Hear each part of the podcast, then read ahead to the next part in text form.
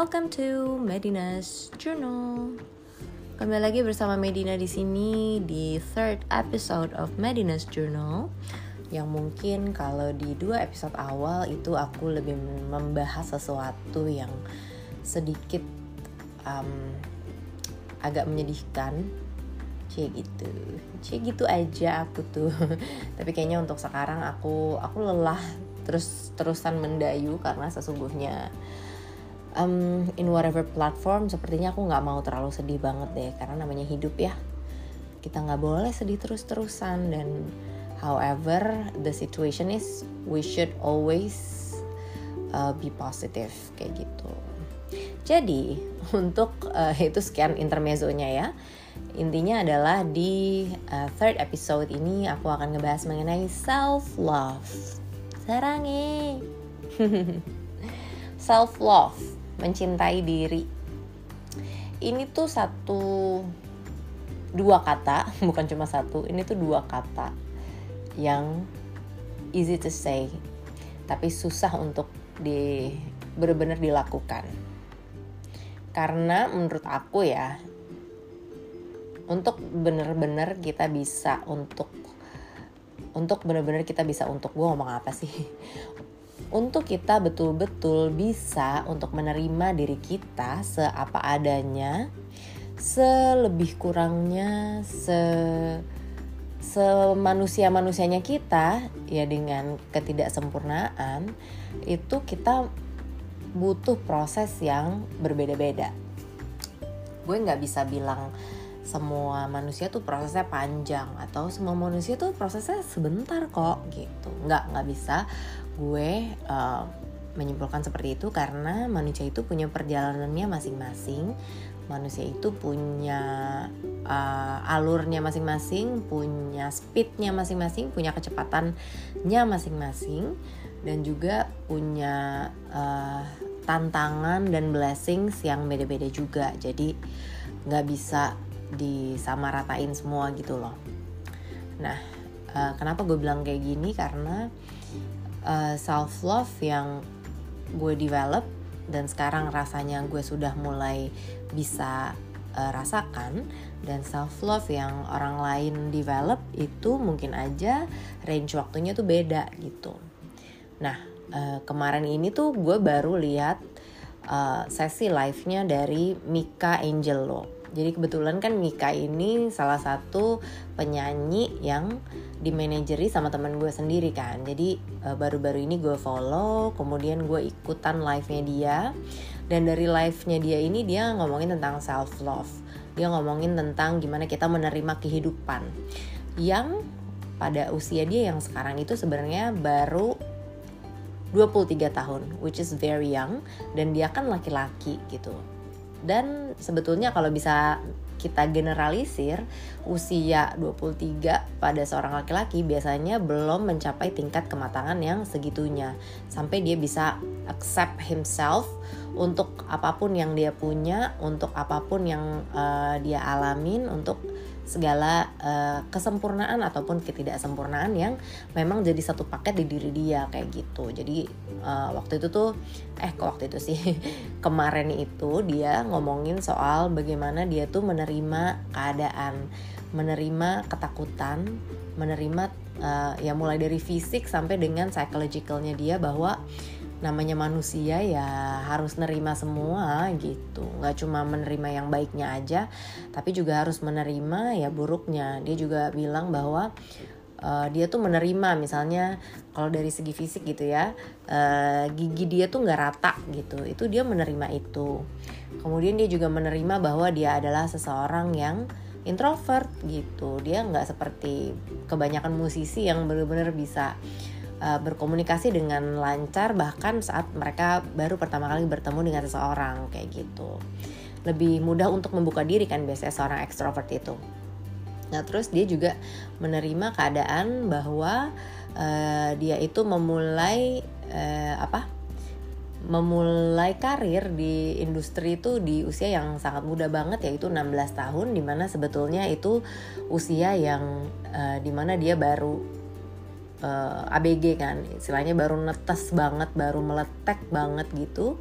Nah di usia segitu dia dituntut untuk harus lebih dewasa dari umurnya. Karena namanya saat kita uh, ada di industri kan berarti kita kerja. Yang namanya kerja apa pun pekerjaannya itu kan pasti berat kita harus ada komitmen kita mesti bisa menjaga uh, personal branding kita misalnya atau kita pasti dituntut sama label sama TV sama uh, banyak pihak gitu ya eksternal pihak-pihak eksternal untuk berlaku ABCD padahal pada saat itu dia uh, lagi proses untuk perubahan diri dia nih dari anak kecil jadi remaja ya kan usianya baru 16 tahun. Jadi dia juga cerita bahwa betapa beratnya dia untuk menjadi seorang musisi yang memulai di usia 16 tahun dan dia itu mesti mendewasakan dirinya lebih cepat daripada remaja-remaja seumurannya dia gitu. Di mana kalau remaja kalau orang uh, orang biasa itu mereka mencoba untuk mendewasakan diri setelah mereka memutuskan untuk bekerja dan biasanya itu rata-rata di usia 20-an, 21, 22 kayak gitu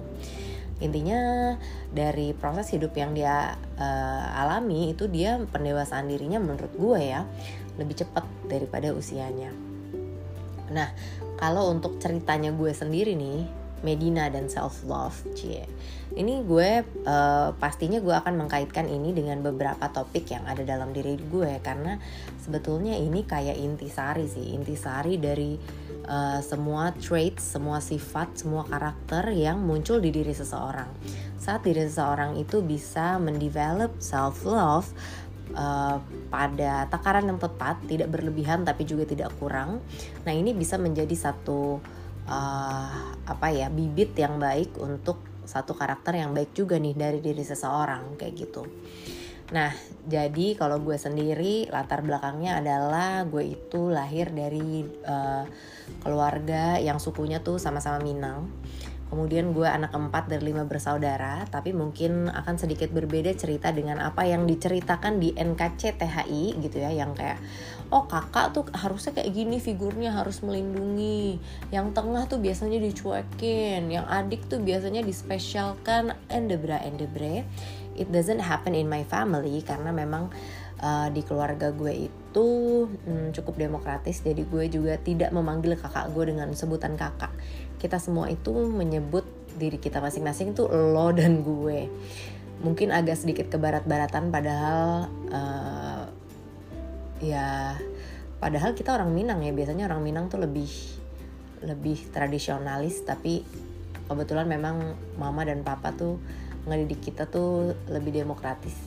Jadi kayak ya walaupun kita terpaut usia yang cukup jauh jadi uh, gue itu kan kelahiran tahun 91 ya. Terus kakak gue yang di atas gue persis yang ketiga tuh uh, kelahiran tahun 86 yang kedua tuh kelahiran tahun 84 dan yang paling tua tuh kelahiran tahun 82 jadi range usia antara gue nih sama kakak gue yang paling tua tuh 9 tahun. Jadi memang cukup jauh range uh, usianya. Tapi memang kita dididik untuk tidak membatasi status kita dan tanggung jawab kita hanya sebatas dia kakak. Berarti harus memikul beban yang berat dan gue adik berarti gue harus dimanja. Nggak kayak gitu. Ditambah lagi dengan uh, ya karakteristik dari uh, lima saudara gue semuanya perempuan yang memang berbeda-beda. Jadi ya intinya nggak cuma sebatas hanya dia kakak dan gue adik. Um, dan juga intinya dari uh, kelima saudara ini termasuk gue anak keempat dari lima bersaudara gitu ya itu kita mendevelop uh, karakter masing-masing yang gue rasa tidak hanya sebatas dari status seperti yang ada di NKCTHI dan juga tidak dengan konflik secetek hanya karena ada satu anggota keluarga yang ternyata meninggal dan diumpetin gitu ya.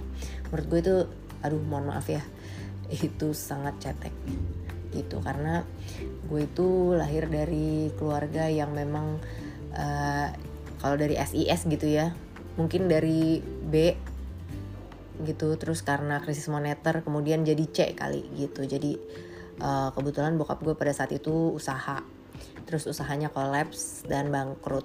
Jadi secara ekonomi tuh gue sangat terpuruk dari mulai gue lulus SD sampai dengan gue kuliah sampai dengan gue lulus kuliah tuh bokap gue pengangguran. Jadi intinya eh, nggak uh, ada apa-apanya deh apa yang diceritain NKCTHI kalau namanya krisis ekonomi itu jauh lebih berat dibandingkan cuma krisis kayak aku drama, aku anak tengah, aku anak sulung, aku anak terakhir, aku dimanja, aku mau independen, whatever it is. Itu kayak menurut gue terlalu bullshit. Maaf agak kasar, tapi menurut aku itu bullshit sekali karena uh, there is so much to offer sebenarnya. Lebih banyak drama yang lebih tetap bisa real, tetap enggak heboh, tapi relatable sama uh, kondisi dari kebanyakan masyarakat Indonesia. Khususnya uh, karena ada siklus yang namanya krisis moneter. Itu sebenarnya banyak banget sih pergolakan yang bisa dibahas. Dan cerita itu terlalu cetek intinya gitu. Nah terus uh, itu membentuk gue menjadi apa yang ya gue sekarang kayak gitu. Lebih dan kurangnya lebihnya adalah karena walaupun um, gue tuh kan lahir anak keempat lima bersaudara cewek semua. Jadi di satu keluarga tuh yang cowok cuma bokap doang kan. Nah itu biasanya kalau di keluarga-keluarga lain di mana uh, anak-anak itu perempuan mereka kan akan dimanja. Maksudnya mereka akan uh, tumbuh dengan mindset di mana perempuan tuh nggak mesti kerja. Perempuan itu nggak mesti menghasilkan uang. Perempuan itu bisa fokus sama hal lain. Misalnya perempuan tuh bisa uh, dibayarin S2 S3 keluar negeri misalnya kayak gitu. Atau perempuan itu bisa ya lo kerja seadanya abis itu lo jadi ibu rumah tangga. Itu tidak terjadi di mindset keluarga kita karena kebetulan uh, di saat yang genting gitu ya di saat uh, masa pendidikan awal sampai pendidikan akhir gue itu kebetulan uh, concern dari diri gue adalah ekonomi. Jadi gue tuh uh, bertumbuh menjadi seorang yang merasa bahwa gue bertanggung jawab atas diri gue sendiri kayak gitu. Jadi sampai gue bisa kuliah gue tuh sambil cari duit sendiri guys. SMA gue udah mulai ngamen udah mulai ngamen tuh maksudnya nyari duit dari nyanyi ya nyanyi di kafe nyanyi di apa nyanyi di RT RW gitu buat nyari-nyari jajan jadi dari nyari-nyari kecil gitu. Ikut-ikut lomba buat dapat duit tambahan dan lain-lain. Jadi memang uh, karena ke keadaan tersebut itu menjadi blessing in disguise di keluarga gue karena walaupun anak-anak bokap itu perempuan semua tapi kita semua tuh kerja dan cari duit sendiri.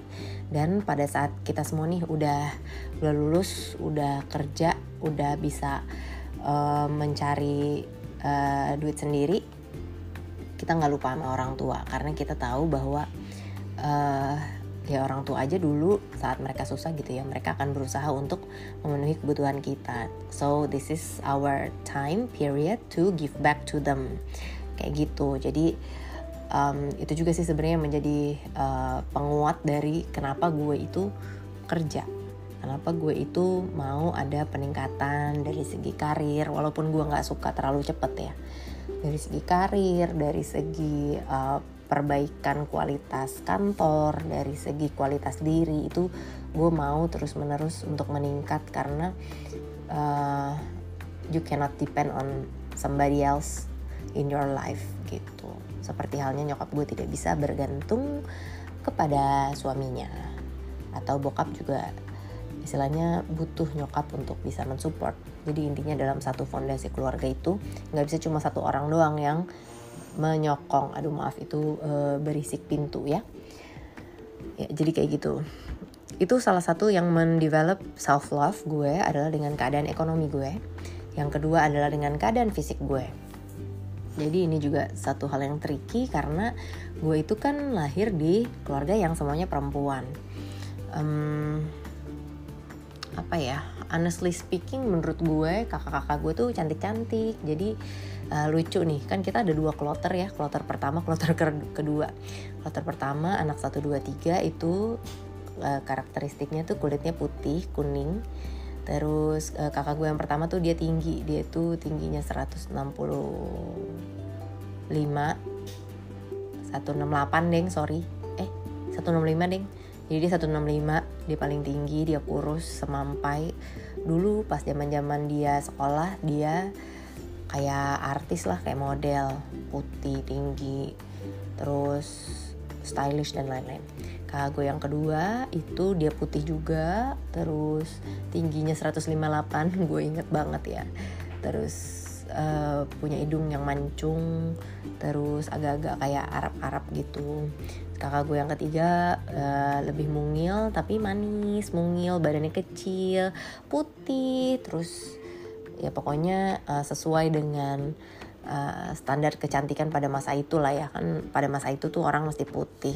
Terus secara kulit tuh semuanya mulus-mulus guys. Jadi nggak ada yang ada masalah kulit lah nah terus ada kloter kedua nih. Kloter kedua adalah gue dan adik gue. Gue dan adik gue ini kita tuh lahir uh, kulitnya tuh ngikut bokap. Jadi nyokap gue kan putih.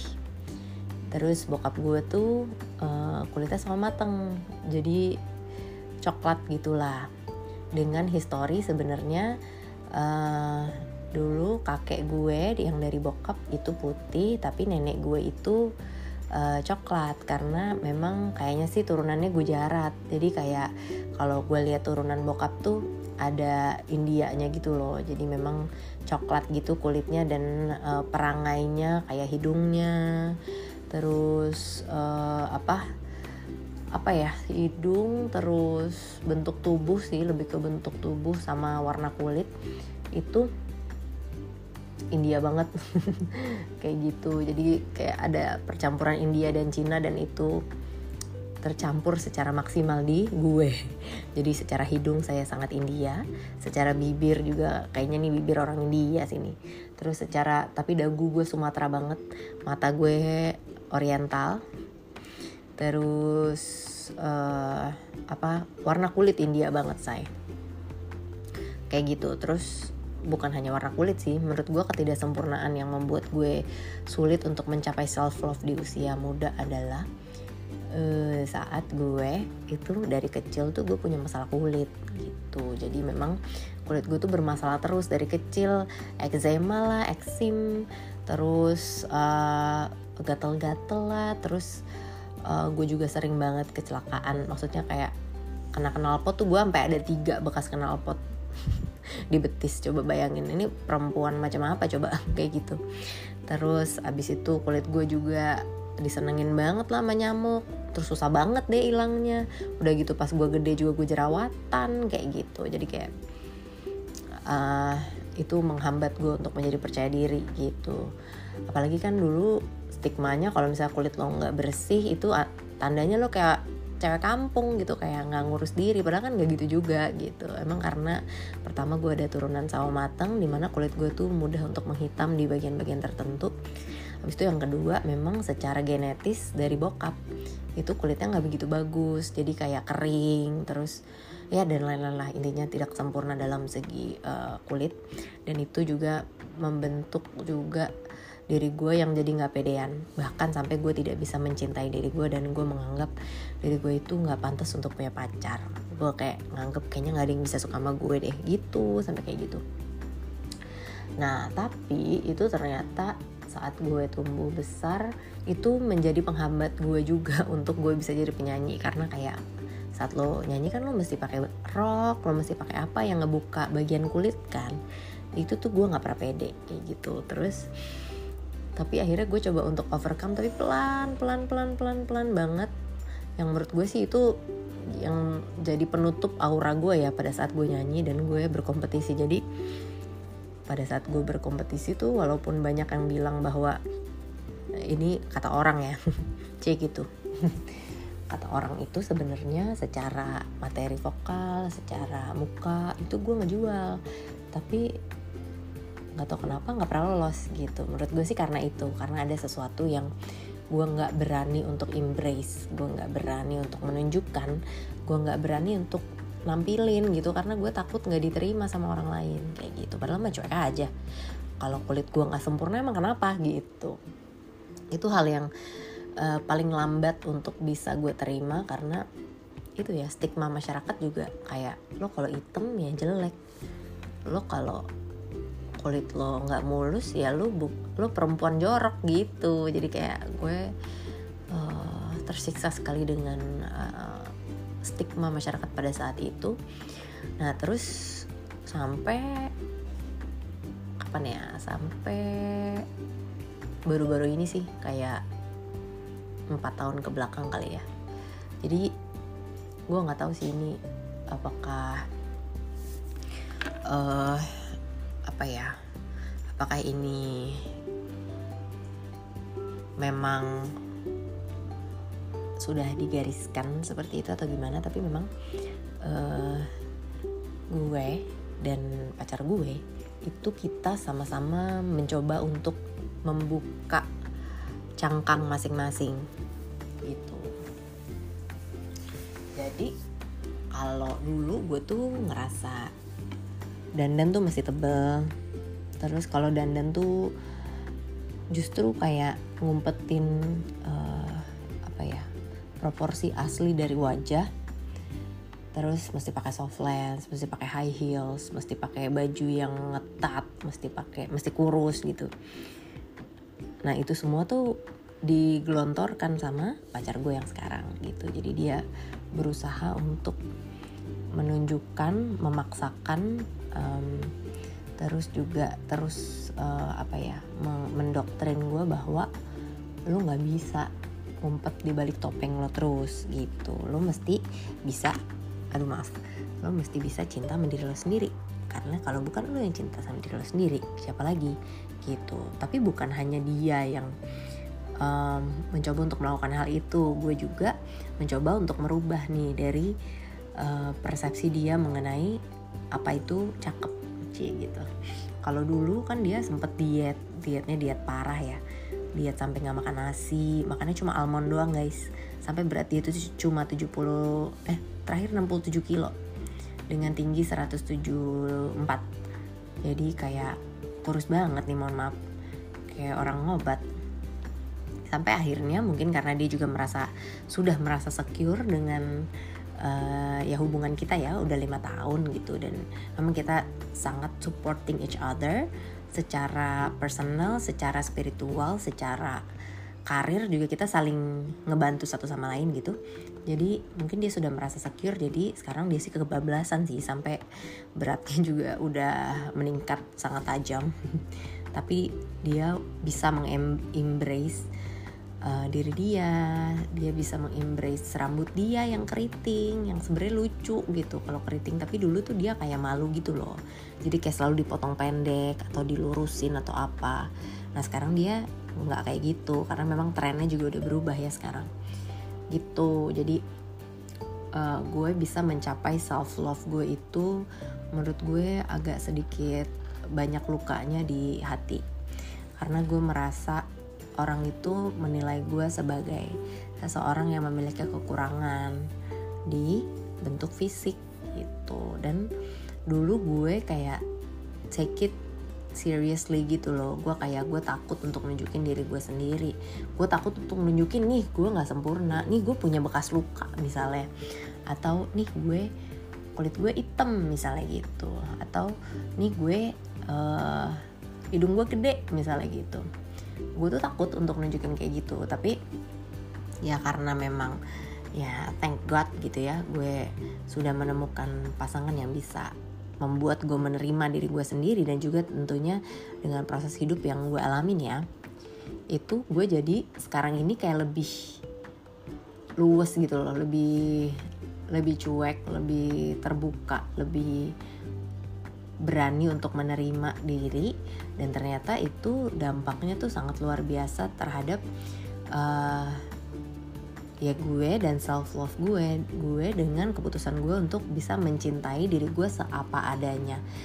Saat gue bisa mencintai diri gue dengan apa adanya saat itu pula gue berhenti untuk banyak minta ke Tuhan. Ini agak sedikit spiritual ya. Jadi saat gue benar-benar bisa mencintai diri gue segitu-gitunya sedengan kurang-kurangnya gue dengan ya badan gue yang gak terlalu tinggi tapi agak bantet gitu. Misalnya kata orang itu bantet gitu ya. Terus ya dengan kulit gue yang gak sempurna ini dengan uh, ya misalnya dengkul gue hitam misalnya gitu. Atau kaki gue yang betisnya gede banget terus juga nggak mulus banget kayak cherry bell gitu. Gue kayak ya udah bodo amat. Emang kenapa kalau gue kayak gini? Gitu jadi lebih kayak gitu. Dan setelah kayak gitu gue berhenti untuk banyak terlalu banyak minta sama Tuhan. Memang sih uh, di dalam agama kita juga di dalam agama di, di dalam banyak agama aduh maaf ya ini agak sensitif jadi gue mesti mengkoreksi. Di dalam uh, banyak agama yang kita anut nih kan kita diperbolehkan untuk meminta. Dan uh, di situ juga uh, di di kitab juga banyak dibilang bahwa memintalah maka aku akan kabulkan kayak gitu kan. Tapi gue ada di dalam satu titik di mana gue kayaknya gue beyond blessed gitu loh. Gue udah terberkati lebih dari apa yang seharusnya lebih dari apa yang apa ya apa yang menurut gue gue udah lebih dari cukup gitu. Istilahnya hmm, gue bisa menafkahi diri gue sendiri. Gue bisa ya ngasih-ngasih lah ke mama papa. Misalnya ngejajanin uh, jajanin makan atau kasih uang bulanan terus gue bisa uh, hidup dengan nyaman punya kamar sendiri. Ih dulu pas zaman kita hidup berlima boro-boro punya kamar sendiri. Habis itu uh, gue punya pekerjaan. Walaupun sebenarnya agak sedikit swifting dari mimpi awal gue kan pengen jadi penyanyi ya. Swifting tapi ternyata wah hidup gue sangat bahagia sekali gitu. Dan rasanya bahagia itu memang harus dimulai dari diri sendiri ya saat kita nggak pernah merasa puas itu akan menjadi racun sih racun untuk diri kita karena saat kita tidak merasa puas ya itu kayak jadi lingkaran setan yang membuat jadi kayak ada satu karmic cycle yang membuat lo tuh nggak akan bahagia dalam hidup gitu. Nah saat ini gue di dalam tahap di mana gue itu menjadi lebih banyak kayak bersyukurnya gitu loh walaupun mungkin gue bukan seseorang yang rajin beribadah ya tapi gue banyak bersyukur gue banyak uh, ya me meresapi aja sih apa yang gue punya sekarang kayak gitu. Jadi kalau dulu nih banyak mimpi-mimpi kayak misalnya gue tuh pengen banget kan jadi penyanyi bisa jadi seorang entertainer bisa jadi seorang influencer pengen banget bisa S2 karena gue merasa diri gue capable. Dan sampai sekarang gue masih merasa gue itu capable tapi gue belum dapet chance gue belum dapet kesempatan. Dulu itu menyiksa gue sekali karena gue udah melalui banyak effort gue udah diterima di beberapa universitas di luar tapi nggak ada yang mau nerima beasiswa gue terus uh, apa ya gue merasa perjuangan gue pada saat itu sia-sia tapi setelah gue pikir lagi uh, gue bisa achieve ke posisi gue yang sekarang itu tanpa embel-embel S2 jadi kayak oh kayaknya gue memang mesti exercise lagi sih. The why atau the reason behind apa ya kenapa gue mau master degree gitu. Karena ternyata Tuhan udah kasih berkat uh, rejeki yang lebih posisi yang baik tanpa gue punya predikat S2 dan ternyata training-training yang ada di muka bumi ini tuh banyak yang lo nggak mesti S2 lo bisa training LinkedIn lo bisa pelatihan ini pelatihan itu lo bisa ngambil sertifikasi yang mungkin lebih murah. Kayak gitu jadi masih banyak jalan menuju Roma ternyata kayak gitu. Jadi dan itu baru bisa gue lihat tuh ya sekarang sekarang ini gitu. Kalau dulu ya kerjanya ngeluh aja. Dulu misalnya nih kalau dulu dengan mindset gue yang dulu nih ya dengan self love gue yang kurang gitu ya mungkin gue tidak merasa cukup dengan pacar gue yang sangat baik sekarang gitu mungkin gue akan komplain gitu bahwa eh gila ya pacar gue tuh baik tapi beda agama. Pacar gue tuh baik tapi gue nggak mau nikahin gue misalnya. Atau pacar gue baik tapi hubungan kita gini-gini aja. Gue akan terus berkutat sama negativity. Padahal kalau misalnya dilihat saat kita udah punya self love yang cukup kita akan bisa melihat beyond the negativity gitu. Tapi sesungguhnya hidup ini tuh indah guys. Kita tuh bukan dilahirkan untuk menderita di dunia ini gue sih sangat percaya itu ya bahwa uh, Tuhan itu kasih kita kesempatan untuk melihat dari dua sisi baik dan buruk. Saat lo fokus sama baiknya di antara semua keburukan yang ada di dunia ini di atas semua dysfunctionality yang memang ada di sekitar kita ya kita akan bahagia gitu. Tapi kalau kita cuma fokus ke buruknya ya udah lo sampai mati merana gitu even misalnya ya lo menikah tapi dengan self love lo yang zero ya lo juga nggak akan bahagia walaupun lo udah dapet cowok yang perfect. Mungkin cowok yang perfect itu nantinya akan ninggalin lo karena lo nggak develop self love untuk diri lo. Kayak gitu. Jadi intinya sih self love is very important dan itu sesuatu yang kita tidak bisa cari di luar kita mesti dik dik uh, within ourselves kita mesti gali di dalam diri kita. Dan itu sesuatu yang memang proses yang berbeda-beda di setiap manusianya. Jadi pertanyaan gue untuk mengakhiri sesi episode 3 kali ini adalah apakah lo sudah menemukan selah untuk bisa mencintai diri lo sendiri? Apabila belum buruan sebelum waktu di dunia ini habis lo mesti bisa mencintai diri lo dan rasakan deh banyak banget keajaiban-keajaiban. Dan juga berkat-berkat yang lo akan miliki saat lo sudah mulai bisa menerima diri lo seapa adanya. Gak usah dilebih-lebihin, gak usah dikurang-kurangin. Gak usah banyak ngeluh, gak usah banyak negatif. Jalanin aja guys. Saat lo udah bisa mencapai di titik itu Percayalah lo akan jadi jauh lebih bahagia. Jadi segitu aja sharing gue yang kayaknya agak sedikit berbeda dari dua episode sebelumnya yang ini agak sedikit menggebu-gebu karena gue percaya banget kalian semua yang dengerin juga bisa untuk mencapai titik self love yang akan menjadi satu kebahagiaan yang hakiki di dalam hidup kalian. I hope you the best dan sampai ketemu lagi di episode-episode selanjutnya dari Medina's Journal. I'll see you again soon. Bye.